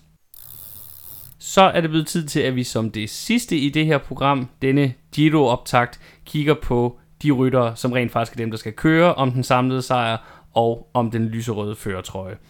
Og jeg tænker, at øh, der er en, for mig at se i hvert fald, som er og bør være den største favorit til titlen som årets Giro d'Italia vinder. Ja, og det er selvfølgelig øh, Richard Carapaz fra Ineos-holdet, som også vandt Giro d'Italia i 2019. Øhm, han er bare den mest etablerede, som ligesom har bevist øh, i nyere tid, at han kan trække en Grand Tour sejr hjem, mm. og kører selvfølgelig også på, på et af de hold, der igennem de sidste 10 år har været allerbedst til at køre Grand Tours. Mm. Øhm, han kørte godt i Katalonien rundt, øh, hvor han blev nummer to samlet, øhm, men hvor han måske lidt blev kuppet af, at Sergio Igita snuppede øh, sejren til sidst. Øhm, til gengæld så, øh, så lykkedes det ham jo at slå øh, Joao Almeida, øh, mm. som også stiller til start i Giro d'Italia som en af favoritterne. Øh, siden det løb har vi ikke rigtig haft nogen indikationer øh, på, hvor han ligger øh, formmæssigt. Øh, og hvis vi sådan kigger tilbage på hans præstationer i Grand Tours, så er de sådan lidt blandet. Fordi han vandt jo Giroen i 19, øh, og øh, han har også i 2020 blevet nummer to øh, i Vueltaen, og sidste år blev han nummer to i Tour de France. Men i 2020 blev han også nummer 13 i Tour de France, og sidste år udgik han af Vueltaen. Øhm, men jeg tror egentlig, jeg vil sige, at fællesnævneren er, at han plejer at levere, når han er kaptajn, og når han er frisk.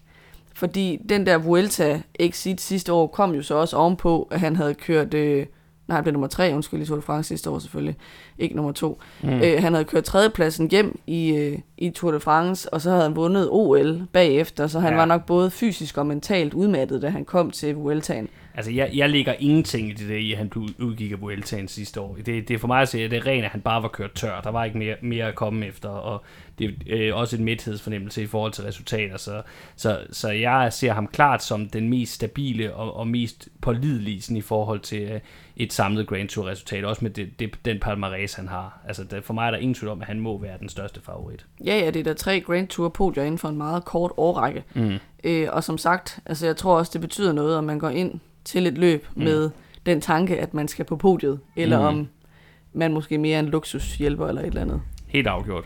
Hovedudfordreren til Carapaz, som jeg ser det, det er Joao Almeida, øh, som jo kommer som kaptajn for UAE-mandskabet. Og det gør han jo på baggrund af, at han øh, øh for to år siden i 2020 blev nummer 4, og så blev han nummer 6 sidste år i 2021, øh, begge år, mens han kørte for Quickstep.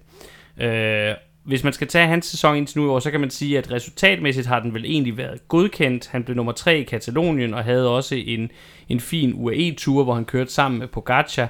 Men samtidig så har der lidt været en tendens, som jeg ikke synes, jeg kan huske så tidligt for de andre år, men som har fyldt meget i år, nemlig at, at han har det svært, når vejret ikke er super godt, og det var blandt andet det, der resulterede i, at han kun blev nummer 8 i Paris-Nice.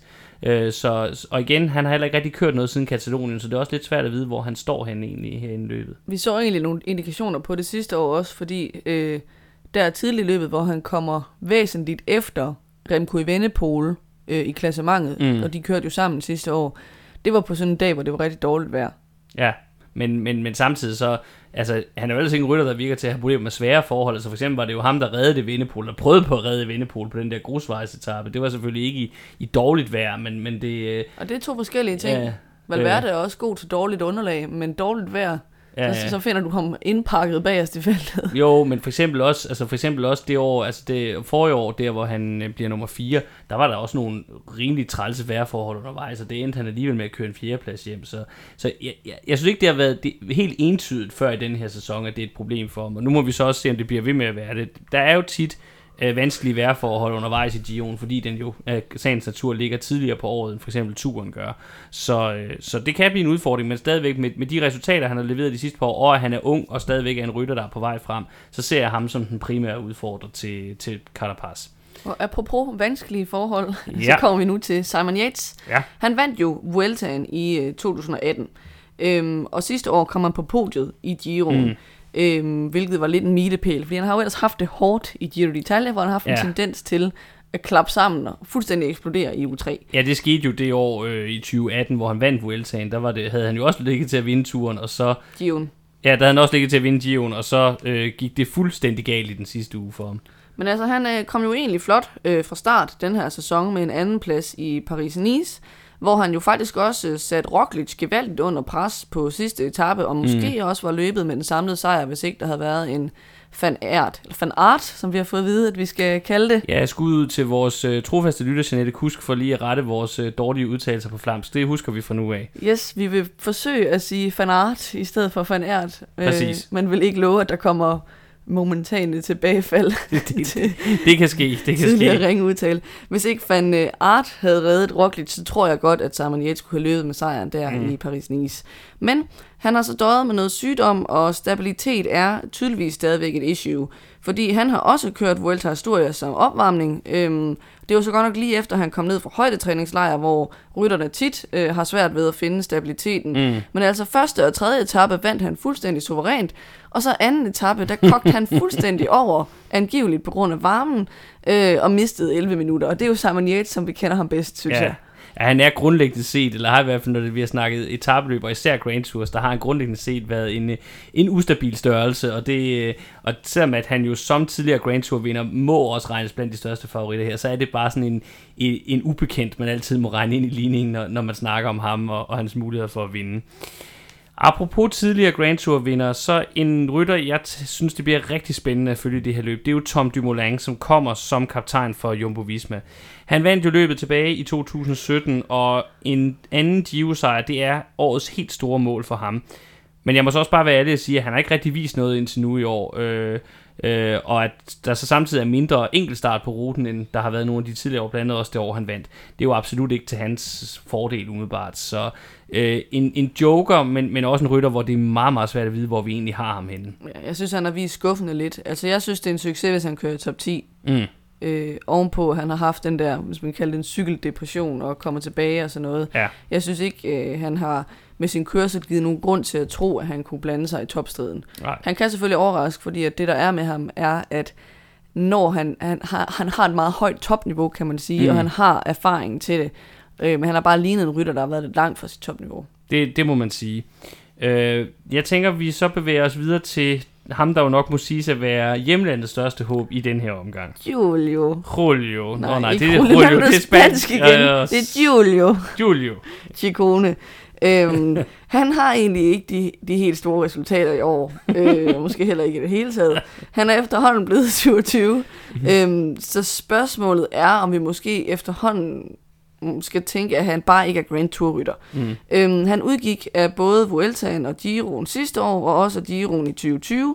Alle gangene har det egentlig set fornuftigt nok ud for ham, mm. og så har han sådan på magisk vis en tendens til at styre det, eller blive syg, eller på anden måde blive Mm. ramt af uheld og dårligdomme. Øhm, så jeg synes, det vi må sige er, at vi mangler at se, at han er holdbar hen over tre uger, fordi på sine gode dage, der kan han jo klatre guddommeligt godt, Mm. og virkelig være med blandt de allerbedste klatrere. Øh, og han var med til at, at sætte nogle af de store favoritter under pres øh, sidste års Giro, når det gik opad, indtil Mm. han så styrtede og udgik. Ja, Øhm, så han skal have styr på det der med holdbarheden. Øh, jeg vil så også sige, hvis han ikke rammer den i år, så tror jeg, at Trek skal måske begynde at overveje, om han hellere skal fokusere på, på ugetabeløb og Mm. endagsløb, og så tænke, at øh, Skelmose øh, er fremtidens mand til klassementet på, på Trek. altså jeg, jeg føler lidt, at han er sådan, han er sådan ved at blive den italienske ud, udgave af Pinot Bardet. Altså det der med, at det, at det, det er sådan ham, den, den store, det store nye italienske håb, efterfølgeren, der skal komme og levere det store Sygt, det er fair over for Bardet. Han har trods alt nogle Ja, podier i Tour de France. Okay, det, det var så måske lidt hårdt, men, men så, øh, altså det er bare det her med, når- når der er sådan en eller anden, en eller anden stor sportsting i et eller andet land, hvor det land, som mangler øh, en sejr eller en klar, sådan en, en, der kan gøre sig, og så kaster man sådan sin kærlighed på en, som måske egentlig ikke helt har formatet til det, og som så bliver sat under et, et massivt pres, og det, det gør det nok ikke nemmere at præstere. William. Det, det er ikke kun inden for cykelsport, man har set det. Ej, det var lidt synd for ham, at holdet sagde, at han skulle være den næste Nibali. Ja, det, Det lagde et stort pres. det har ikke gjort noget godt for ham, tror jeg. Apropos Nibali, så er han jo også til start for, for Astana, hvor han jo udgør en form for kaptajn sammen med Miguel Angel Lopez. Øhm, Lopez, han er jo lidt samme historie som Simon Yates, måske endda i endnu mere ekstrem grad. Han mangler virkelig stabilitet. Han er, ser ud til at være blevet lidt bedre på tidskørsel i år, faktisk, altså enkeltstart, men det er så spørgsmålet, om det har kostet lidt på hans, hans bjergevner. Det er jo et, et trade-off, vi har set før øh, i cykelsporten. Og, og samtidig, så, men jeg har i hvert fald meget, meget svært også med de resultater, han har leveret indtil nu i år, på for alvor at tro på ham, heller ikke til, til podiet. Øh, jeg synes, det er meget svært at sige, hvor vi har Nibali henne. Han har kørt meget, meget lidt. Øhm, Han har været ramt af corona jo. Ja, det er, det er en del af forklaringen på det, øh, selvfølgelig. Øh, og så Lopez, han blev, øh, som sagt, også et af de resultater, jeg, tænker på, når jeg siger, at jeg ikke helt rigtig tror på, om det er, han blev faktisk kun nummer 27 samlet i Tour of the Alps. Han vandt en flot etappesejr undervejs, men, øh, men øh, ja, altså, de samlede resultater har ikke været der i år. Og det var den etape, han vandt øh, foran en gradfærdig Thibaut Pinot, der blev sat øh, Men på opløbs, opløbsstrækningen, men som så vandt etappen dagen efter og fik brudt sin meget lange øh, sejrstørke. fedt. Øhm, men det vil sige, at, at Lopez har jo et eller andet sted vist også, at han har noget form. Mm. Øh, og vi ved ikke, om han kørte klassement i, i Alps øh, Nej, eller det, ej. det er klart. Han er altid en ubekendt, øh, og som jeg vil afsløre senere, når vi skal lave top 10 bud, så tror jeg på, at han nok skal køre top 10. Øh, I forhold til Nibali, der har de jo udtalt holdet, at han har en fri rolle, og så, vi ved godt, det næsten er respektløst, altså at han ikke er kaptajn, Mm. øhm, men så har de sagt, at det er for, at han ikke skal føle sig presset. Jeg vil, ja. Men jeg tror, det er mere sandsynligt, at vi ser ham måske jagte nogle etappesejre, Mm. øh, end at gå efter klassementet. Jeg tror, han erkendte i, i 2020 og, og 21, at det løb er ved at være kørt. Et andet hold, der også stiller med en duo, når vi snakker kaptajnværdigheden, det er Bahrein-mandskabet, der jo stiller med de to spanier, Mikel Landa og Pelo Bilbao. Altså for mig, der er Landa, han er sådan prototypen på en boomer-bust-rytter. Øh, det ved jeg godt, det er lidt øh, amerikansk udtryk, men det er, synes jeg, er en rigtig god måde at beskrive Landa på. Fordi det ene øjeblik, så kan det være helt fantastisk, og så det næste øjeblik, apropos ustabilitet, så, så klapper han helt sammen. Uh, han blev nummer 3 i Tirreno, hvor han kørte rigtig godt, men uh, han så så ikke for skarp ud i, i Tour of the Alps. Uh, Bilbao, han har jo til gengæld haft et, et sneaky godt uh, forår. Uh, er han en podiekandidat? Det synes jeg faktisk er et, uh, er et godt spørgsmål, for han er bare sådan en, en hamrende stabil rytter, der altid kører, kører jævnt godt hele vejen igennem. Og i øvrigt så, selvom der ikke er så meget af det, også har en, en glimrende tidskørsel. Ja, altså jeg, jeg tror, han er toppet for tidligt. Det må jeg bare sige. Okay. Og jeg synes heller ikke, det så godt ud i Alps, øh, der da han blev sat på den hårdeste etape, fordi altså, så lang en stigning var den heller ikke. Den var stejl, og det er måske ikke lige hans kop te. Ej, han er lidt men, mere men stadigvæk, altså, han blev sat, og han smed øh, ikke kun føretrøjer, men faldt også helt af podiet. Øhm, og stærkere var feltet heller ikke. Altså, det er jo blandt andet Bardet og Thymen Arnsmann, der, der går forbi ham. Mm. Øh, så jeg, jeg tror ikke på det. Jeg tror godt, han kører top 10, men jeg tror ikke, vi kommer til at se ham stå på podiet. Mm. Så, så vil jeg jo også lige sige i forhold til Lander, jeg tror egentlig ikke, jeg er enig i, at, at han klapper sammen. Det er mere det der med, at han også ofte er uheldig. Ja, det er, nok, det er nok den mere rigtige beskrivelse. Sidste år, der lignede han også en, der var i vildt god form, da vi kom ind i Dion, og så styrtede han og udgik. Ja, Øh, så tit, Men så, det siger jo også noget om heller- ustabilitet, at man placerer sig dumt og ikke, øh, ikke kan. Altså, de, de stabilt gode rytter, de styrter heller ikke. Nej, men jeg mener bare, det er noget andet end Simon Yates, fordi Ja. Yates, han vælter ikke. Han eksploderer lige ja, ja. pludselig. Lander er bare notorisk ramt ja. af uheld Og Lopez er så en kombination af de to. Han både eksploderer og styrter og taber hovedet. Også det. Videre til, nu har vi snakket om et par hold, der sådan har to øh, kaptajner med. Nu kommer vi så til et hold, der måske i realiteten har tre kaptajner. Og det er så Bora, der stiller med en trio, der hedder en hollandsk, tysk, australsk trio øh, i form af Vilko Kelderman, Emanuel Buchmann og Jai Hindley. Og lidt overraskende, i hvert fald hvis jeg ser på, hvordan jeg, jeg så på det inden sæsonen, så er det jo faktisk Australieren Hindley, der har været den bedste af de tre øh, indtil nu i, i sæsonen. Men hvem tror vi reelt set mest på i det her løb? Først bliver vi nødt til lige at opholde os ved det enormt smukke i, at Keltermann og Hindley igen skal køre Giro d'Italia på samme hold i en eller anden form for delt kaptajnskab. Fordi hvis vi spoler tilbage til 2020, så kørte de jo begge to sammen på DSM-holdet, som, som hed dengang dengang. hed Sunweb. Keltermann var kaptajn, Hindley var ung og ukendt, havde ingenting vist. Keltermann havde føretrøjen, Keltermann blev sat på Stelvio, Hindley havde rigtig gode ben. Hindley fik lov til at køre væk fra Keltermann, som skulle skifte hold næste år, mens Hindley skulle blive på holdet. Og det hele resulterede i, at de blev nummer 2 og 3 samlet. 101 i How Not To øh, cykelstrategi. Øhm, men i hvert fald så tænker jeg, at Keltermann ikke har været 100% tilfreds med Hindley øh, dengang, men de har så øh, udtalt, at de har øh, begravet stridsøksen og er klar til at, at give det et samlet skud. Og jeg vil så sige, jeg tror måske mest på Jai Hindley øh, hen over de tre uger, fordi på den ene side synes jeg, at Vilko Keltermann er kommet ud over det der med at have uheld hele tiden, og han har været ret stabil de sidste to år. Han blev nummer 5 sidste år i Tour de France, og han blev nummer 3 i Giroen, som sagt, i 2020. Og så oven på femtepladsen i turen sidste år, der var han egentlig rimelig ærlig og meldte ud, det er nok hans loft i det løb, når man mm. ser på feltet af klassementsryttere i de her år. Så han vil hellere gå efter at vinde Giroen, end efter en femteplads mere i turen. Øhm, men det, jeg synes er bemærkelsesværdigt, det er, at øh, de sidste to år, der har han haft gode optagtsløb op til de her Grand Tours, men i år, der har han haft en ret dårlig optag til Dion, så han blev nummer 19 i Tirreno Adriatico, og ellers så har det altså mest været did not finish eller resultater uden for top 10. Øh, så det synes jeg er sådan lidt bekymrende, mm. når man sammenligner med tidligere år. Det kan godt være, at formen melder sig i løbet af de tre uger, det vil jeg overhovedet ikke afvise. Mm. Men Jai Hindley har i hvert fald set bedre ud i år. Han blev nummer 5 i Tirreno og nummer 13 i Katalonien. Det er selvfølgelig ikke vildt øh, imponerende, og han er et usikkert kort, men når man sammenligner med øh, sidste år, hvor han bare havde en total katastrofesæson ovenpå sit mm. podie så viser det i hvert fald, at pilen peger opad, efter han har skiftet hold. Og så er der Emmanuel Buchmann, og han ligner altså bare stadig en skygge af sig selv, synes jeg. Han blev nummer 28 i Tirreno. Øhm, og udgik af Baskerlandet rundt. Så jeg synes øh, stadig, han ligner en, der ikke har fundet øh, sin gamle form.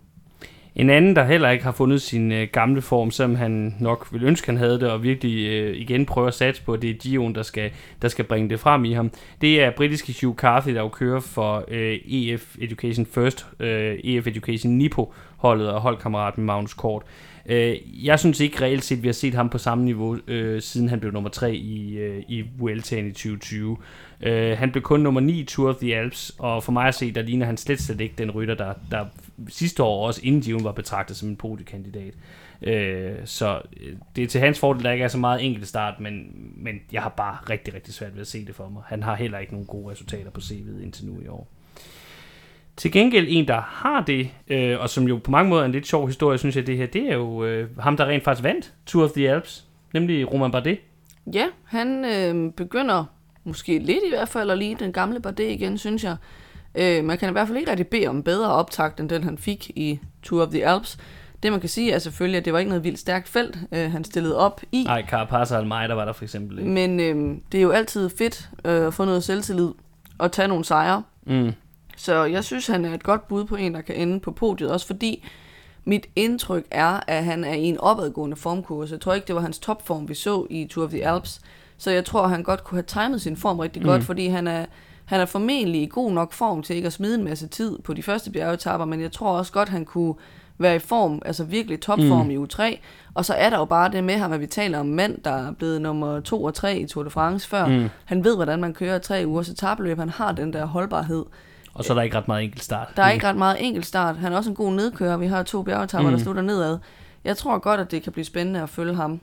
Ja, så vil jeg jo sige, at det, det jo faktisk er imponerende og, og dejligt at se, at han lader til rent faktisk at have vundet noget ved at skifte over til Team DSM. Det er jo et hold, vi har været meget efter, og som vi har kritiseret meget for nærmest sådan, jeg vil ikke sige at ødelægge, men i hvert fald at, at sådan ligesom få, få, få ryttere øh, til at stagnere, når de kommer over til dem, fordi de har en særlig måde at gøre tingene på på det hold, og det er ikke alle rytter, der, øh, for hvem det, det fungerer, eller hvor det er et godt match. Men det lader faktisk til, at det er et fint match for Bardet. Han, han lader, lader egentlig til at trives rimelig godt i det, og det har været sundt for ham at komme væk fra, fra et fransk hold. En, der til gengæld er, er franskmand og er glad for at være på et fransk hold, og så vil vi lige nævne til sidst, det er for mig at se løbets helt store lotto nemlig øh, Guillaume Martin. Og det er altså ikke, fordi jeg på nogen måde tror, at han vinder løbet, men det er bare, fordi han er en øh, underholdende gave til et hvert cykelløb. Det er en ene dag, så er han flyvende, og så vinder han en etape, og så kører han lidt efter en bjergetrøje, og det ser dejligt ud. Og så en anden dag, så nedsmelter han fuldstændig for åben skærm. Og så cykler han op og ned i top 10 i klassemarkedet hele vejen igennem løbet. Han vinder aldrig en Grand Tour. Han kommer heller ikke til at vinde Giro d'Italia, men han er et dejligt underholdende krydderi i den hver Grand Tour. Så vil vi slutte øh, vores øh, ryttergennemgang af med at komme med hver vores bud på en top 10. Og så vi kan selvfølgelig lige sige lidt undervejs om, hvorfor vi har valgt at sammensætte det sådan. Øh, og øh, så må vi jo øh, senere sammenligne med, hvordan det så rent faktisk gik, og se, hvor mange der, der ramte rigtigt, eller nogenlunde rigtigt. Jeg lægger for, øh, og øh, man kan sige, at, og det er nok også lidt indikeret af, hvad jeg sagde i, i starten af, af favoritgennemgangen her, så tror jeg på, at Richard Carapaz øh, vinder årets Giro d'Italia. Øh, jeg ser ham som den helt store favorit. Han har også det bedste hold omkring sig i forhold til at vinde, som jeg ser det, og øh, jeg har svært ved at se nogen for alvor kunne, kunne udfordre ham i det her felt. Men øh, jeg har så til gengæld en joker på andenpladsen, og det er Pedro Bilbao, for jeg er ikke enig i, at, øh, at han... Øh, at jeg synes, det ser ud som om, han har toppet for tidligt. Jeg tror tværtimod, at øh, han har kørt efter det her som sit store mål i år, og jeg tror, at øh, han er sådan en dieselhakker, der lidt på samme måde som hans holdkammerat Caruso, kan arbejde sig igennem løbet, og på den måde ende med at måske blive en lidt overraskende nummer to. Det bliver så på bekostning af Almeida, som jeg regner med bliver træer. Jeg tror, det her med det dårlige vejr, og måske også stadigvæk lidt manglende erfaring, han er jo stadigvæk en relativt ung rytter, kan koste ham, men samtidig så har han også igen et stærkt hold omkring sig, og UAE er ved at være ret erfaren i det her med at køre Grand Tours, så jeg tror, at de får øh, både deres øh, unge kaptajn hjem til en tredjeplads. Jeg er meget enig i det, du sagde om Bardet, og jeg tror, han ender lige uden for podiet på en fjerdeplads, og så øh, lige efter ham har jeg så Dumoulin. Måske lidt overoptimistisk, men jeg tænker undervejs i løbet, øh, kan måske køre sig i form, måske ramme et eller andet, øh, og så kan det være, igen, Jumbo er også et vanvittigt stærkt øh, klassementshold, så, øh, så også derfor tænker jeg, at, øh, at han kan redde sig en, en femteplads. Landa, jeg satser på, at han ikke får nogen uheld, og at øh, han kan lidt sådan kan være en forpost for Bilbao undervejs, så det kan sagtens være nok til, at han ender på en, en 6. plads. Italienerne, de får en syvende plads med deres kære Ciccone. Mere bliver det ikke til. Det bliver måske hans bedste Giro-resultat nogensinde. Du og, tror, han gennemfører? Jeg tror, han gennemfører. Jeg satser på, at i år gennemfører han og får en syvende plads, og så bliver italienerne trods alt lidt glade. Uh, og det bliver så lige for en Hindley, som jeg er enig i, at den forbruger. Jeg tror mest på, at jeg tror, de får en mand i top 10, og det tror jeg bliver ham. Så kunne jeg godt se uh, Sivakov uh, liste ind i top 10 i bunden uh, ved at køre en god tur, som hjælper for, for Carapaz. Det er de blevet bedre til de senere år, øh, jeg at have mere end en mand liggende til, og det tror jeg bliver Sivakov, der bliver den anden. Og så tror jeg, at Nibali, det kan godt være, at det bliver lidt på sådan noget med nogle udbrud og sådan noget, men han ender med lige at snige sig ind i top 10, på, øh, så, så har han får en, en sidste top 10 måske i, i hjemlandets Grand Tour. Ja, altså jeg er enig så langt, at jeg tror også, at Carapaz vinder. Jeg synes bare, han er den mest oplagte favorit med øh, mm. det palmarès, han har, den erfaring, han har. Ja. Jeg tror så på, at øh, Joao Almeida, han endelig gør det og kommer på podiet, øh, og som nummer to. Fordi jeg synes, han samlet set, når man kigger ud over feltet, er den rytter, der har mest upside og mest klasse. Mm. Han har været tæt på de sidste to år med en fjerdeplads og en sjetteplads. Øh, I år er han kaptajn, og holdet er dedikeret til, at han skal køre på podiet. Det er mm. ikke sådan noget med, at han skal spille sin tid på at være hjælperytter for Vennepol første halvdel af løbet. jeg tror på, at han trækker den hjem i år. Øh, så har jeg sat Bardet på øh, podiet, Øhm, fordi at jeg synes, han ligner lidt det gamle Bardet, mm. og han har den der erfaring, der skal til. Han ved, hvordan man kører på et Grand Tour podium. Så har jeg sat øh, Simon Yates på som fire, og det synes jeg egentlig var en mærkelig beslutning, da jeg kiggede, hvad jeg havde gjort, fordi Simon Yates er sådan lidt en boom eller boss type. Ja, så det er måske det er egentlig mere sandsynligt, at han enten kommer på podiet, eller også kommer ikke i top 10. Øh, men nu havnede han altså der på en fjerde plads. Ja, altså jeg, jeg, jeg tror, han, øh, han bliver ramt af, at der løber et får forbi ham, eller sådan et eller andet i tredje Men jeg tænkte, det kan godt være, at han har haft sin dårlige dag, der i Asturias. Ja. Ligesom har haft den på forhånd. Nej, altså jeg tror, han rammer en mur. Og så, altså ikke, ikke bogstaveligt talt, jeg tror, han rammer en mur i overført betydning, og så går det bare nedad. Så har jeg sat uh, Lopez på som femmer. Han fordi... kunne godt ramme en mur, bogstaveligt talt. øhm, fordi jeg synes, øh, han ligner en, der er på vej i form. Øh, der er ikke specielt meget enkeltstart. Han er også blevet bedre til at køre dem, som du siger. Mm. Øhm, han har helt klart niveauet, når han er god til at køre på podiet og også til at vinde, men han taber bare hovedet, han bliver ramt af uheld, han tager dårlige beslutninger, han sætter sig pludselig ind i en bil og udgår. øhm, så jeg tror bare ikke på mere end en femteplads, fordi at der altid er alle de der dumme øh, forhindringer, der ikke har noget med hans form at gøre, men bare alt muligt Ja. andet. Så er jeg måske lidt optimistisk sat Hindley på som sekser, men det er faktisk fordi, at jeg synes, at når vi kommer ned her i anden halvdel, så bliver det sådan lidt mere lotto-kupon. Mm. Øhm, jeg har sat Bilbao på som syver, fordi jeg tror på, at han øh, har formen og stabiliteten. Vi har set før, han, han har den der holdbarhed til at køre godt over tre uger. Så jeg tror ikke, han falder igennem, men jeg tror bare heller ikke, at han øh, kan, kan holde i tredje uge. Mm. Øh, så har jeg sat Lander på som 8, fordi jeg synes, det kunne godt øh, ligne de to, at øh, køre begge to i den dårlige halvdel af top 10. Øh, Det skal ikke udelukkes. øh, især fordi, at Lander jo altid kører for Lander. Ja, det er rigtigt. Så øh, jeg tror ikke, at, at han har formen Lander til at køre top 5, men jeg tror, at han godt kan køre top 10, og jeg tror, at de kommer til at køre hver for sig. Øh, så har jeg sat Arnsmann på som 9, og jeg tror, han kommer til at skulle hjælpe bare det, men jeg tror også, at han har niveauet til at kunne levere den helt store overraskelse. Og så har jeg sat dieselmotoren Guillaume Martin på som 10'er. Det kan godt være, ligesom du snakker med Nibali, at det bliver gennem tre forskellige udbrud, hvor han får 25 minutter, og så taber han en time dagen efter. men samlet set tror jeg, det skal nok summe sig op til en 10. plads. Snakker, snakker vi, altså hvis han er en dieselmotor, er det så en dieselmotor, hvor nogen har smidt nogle kinesere ned i, eller sådan et eller andet? Han glemmer bare tank. Nå, det, det, det, det, det, er det, der sker. Det er det, der sker. Yes, jamen øh, således opløftet. To pud på en top 10'er, og så ser vi, hvordan det ender, når Giroen er slut om tre uger. Tak fordi, at du har lyttet med til denne, den 40. 20. episode af cykelpodcasten Det Røde Felt. Vi håber, at du nu er klar til de kommende tre ugers drama og forhåbentlig top cykelunderholdning på de italienske landeveje. Hvis du har kunnet lide dette program og hvad vi ellers har lavet igennem tiden, så håber vi, at du vil give os fem stjerner i den podcasttjeneste, som du benytter dig af, så kan det være, at vi kommer ud til endnu flere lyttere. Det røde felt er en del af sportsuniverset The Red Zone, der også indeholder bloggen theredzone.dk, hvor du blandt andet finder links til vores programmer, samt artikler om en anden fed sportsgren, nemlig amerikansk fodbold og NFL, hvor draften nu er overstået, og fokus i stedet er rettet mod afsløringen af kampprogrammet for den kommende sæson, der finder sted i næste uge. Vi vender snart tilbage med en opsamling på forsæsonen. I denne omgang har du lyttet til mig, jeg hedder Peter Krohmann Brams, og med mig i studiet har jeg haft Miriam Krohmann Brams. Vi lyttes ved.